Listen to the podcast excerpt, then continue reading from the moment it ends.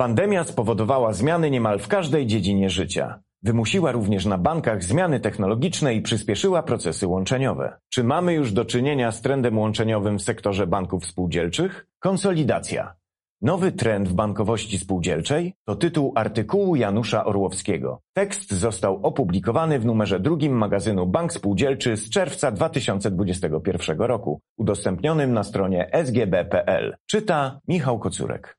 Ostatnie komunikaty o łączeniach banków spółdzielczych to prawdopodobnie początek trendu, którego symptomy można zaobserwować już od pewnego czasu. Banki coraz częściej podejmują rozmowy o dobrowolnych łączeniach, które wymusza na nich sytuacja nie tylko w sektorze usług finansowych, ale także zmiany zachodzące w całym społeczeństwie. Dotyczy to zwłaszcza zachowań i przyzwyczajeń spowodowanych wprowadzaniem w życie nowych technologii, jak również przemian demograficznych będących głównie wynikiem starzenia się społeczeństwa i migracji coraz bardziej mobilnej ludności. Wszystkie te czynniki zmuszają banki spółdzielcze do wprowadzenia zmian w dotychczasowych strategiach działania, szukania nowych obszarów pozyskiwania przychodów a przede wszystkim inwestowania w nowoczesne technologie, bez których współczesna bankowość nie ma już racji bytu. Te zmiany dotyczą również konieczności wprowadzenia zmienionych zasad w funkcjonowaniu banków zrzeszających, z których pośrednictwa w świadczeniu usług będą zmuszone coraz częściej korzystać banki spółdzielcze. Poprzednie konsolidacje w sektorze wymuszone były głównie przez nowe regulacje i decyzje nadzoru finansowego. Skutkowały one podejmowaniem decyzji o łączeniach w sytuacji poważnego zagrożenia funkcjonowania funkcjonowania banku ze względu na niemożność spełnienia podstawowych kryteriów działania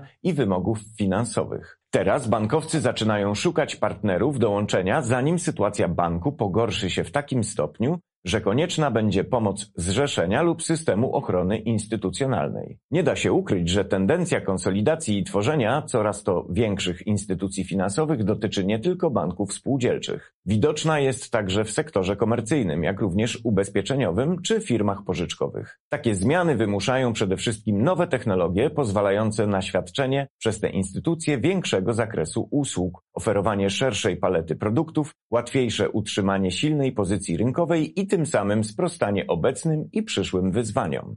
Wielu obserwatorów rynków finansowych zauważa, że zmieniający się świat, a zwłaszcza zmiany wywołane przez globalną pandemię, nie pozwolą instytucjom finansowym wrócić do zasad działania znanych z wcześniejszych lat. Alternatywne rozwiązania bankowości cyfrowej zyskują coraz bardziej na popularności. Banki będą więc zmuszone do stworzenia technik cyfrowych, które między innymi poprawią doświadczenia klientów. Trzeba będzie przemyśleć obecne procedury pod kątem pogłębienia relacji z klientami, zwiększyć automatyzację automatyzację i wykorzystanie nowych technologii do wspierania marketingu i obsługi klientów. Jednym z najważniejszych problemów banków spółdzielczych są utrzymujące się od dłuższego czasu prawie na zerowym poziomie stopy procentowe. Wcześniej były one dla wielu małych banków podstawowym źródłem dochodów. Dzisiaj banki spółdzielcze muszą pozbyć się tych funkcji, które nie są związane z obsługą klientów. Trzeba je przenieść do banku zrzeszającego który dysponując odpowiednią technologią może zapewnić świadczenie takich usług. Pandemia pokazała, że bardzo kapitałochłonna wymiana infrastruktury bankowej jest koniecznością i ten proces musi zostać przyspieszony. Można powiedzieć, że łączenia banków spółdzielczych stają się powoli procesem naturalnym, a z taką inicjatywą coraz częściej wychodzą sami spółdzielcy. Pozwala to przede wszystkim na utrzymanie pozycji rynkowej, ponieważ przekształcenie oddziałów jednego banku spółdzielczego w placówki banku przejmującego lub zupełnie nowego banku powołanego do życia po połączeniu się nawet kilku instytucji bankowych oznacza utrzymanie dotychczasowego obszaru działania. I nie jest to bez znaczenia na obecnym bardzo konkurencyjnym rynku usług finansowych, ale utrzymanie tych placówek w dobie obecnej tendencji do ograniczania ich liczby jest możliwe tylko przez duży i silny bank spółdzielczy. Dyskusja dotycząca konsolidacji sektora banków spółdzielczych toczy się od dawna. Zdania na ten temat wciąż są podzielone, bo nie ma jednoznacznej odpowiedzi na pytanie, czy lepsze jest rozproszenie, czy raczej konsolidacja. Nie zawsze też łączenia oznaczają zdecydowaną poprawę wyników i korzyści płynące ze zwiększonej skali działania. Jednak wydaje się, że obecna sytuacja tego sektora wymuszająca wprowadzenie zasadniczych zmian wynika przede wszystkim z niebywale szybkiego postępu technologicznego.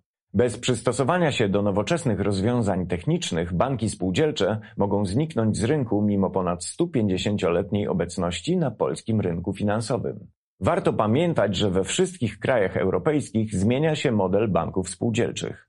Następuje ich konsolidacja, chociaż w zróżnicowanych formach organizacyjnych. Słusznie zauważa dr Wiesław Żółtkowski, że współcześnie samodzielne, rozproszone małe biznesy powszechnie przegrywają ze skoncentrowanymi sieciowymi instytucjami. Dodatkowo wyzwania rynku powodują, że zagrożone jest funkcjonowanie kolejnych banków. W tej sytuacji podejmowane są działania w ramach spółdzielni systemów ochrony polegające na przyłączaniu banków zagrożonych do banków silniejszych. A to jest możliwe tylko w niektórych przypadkach, bo przy większej skali zagrożenia trudno będzie znaleźć silne banki ratujące te słabsze. Dodatkowo wyzwania rynku powodują, że zagrożone jest funkcjonowanie kolejnych banków. W tej sytuacji podejmowane są działania w ramach spółdzielni systemów ochrony polegające na przyłączaniu banków zagrożonych do silniejszych.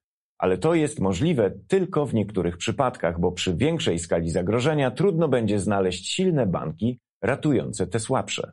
I to jest jeden z powodów, że spółdzielcy zaczynają rozmowy o ewentualnych fuzjach i połączeniach, nie czekając aż sytuacja ich banków ulegnie takiemu pogorszeniu, że będzie to wymagało pomocy zrzeszenia lub systemu ochrony. Nie chodzi bowiem tylko o ratowanie się przed upadłością, ale o perspektywy dalszego rozwoju i utrzymania się na coraz bardziej konkurencyjnym rynku.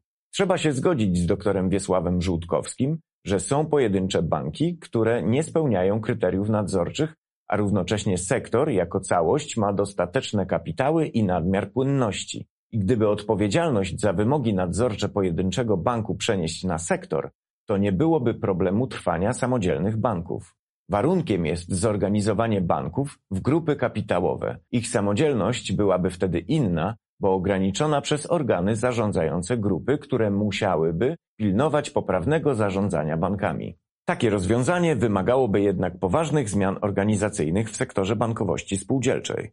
Trudno też nie zauważyć, że określenie samodzielność byłaby wtedy inna, oznacza de facto brak tej samodzielności, czego przykłady można znaleźć w grupach bankowych funkcjonujących już w innych krajach europejskich. Trzeba się także zgodzić z doktorem Eugeniuszem Gostomskim, że nie ma żadnego uniwersalnego modelu spółdzielczości bankowej, która miałaby przewagę nad rozwiązaniami występującymi w poszczególnych krajach. Każda grupa spółdzielcza dysponuje określonymi atutami, które warto upowszechniać w pozostałych grupach, a wysoka jakość zarządzania w ramach poszczególnych grup jest kluczowym czynnikiem uzyskiwania dobrych wyników przez banki spółdzielcze. Warto też zwrócić uwagę na niedawną prasową publikację profesora Leszka Pawłowicza, który zauważył wzrost w ostatnim czasie monopolizacji w polskim sektorze bankowym. Jego zdaniem niskie stopy procentowe będą zabijały mniejsze banki, szczególnie spółdzielcze, dla których dochody odsetkowe są głównym źródłem dochodów, czyli będą silnie działały na rzecz dalszej monopolizacji sektora. Jednocześnie przypomniał on komunikat nadzoru finansowego z 2013 roku, w którym podkreślono, że poziom koncentracji sektora bankowego w Polsce jest bliski optimum, co oznacza, że nie ma w naszym kraju banków zbyt dużych, czyli takich, których ewentualnych problemów nie można byłoby rozwiązać w oparciu o dostępne krajowe instrumenty zarządzania kryzysowego.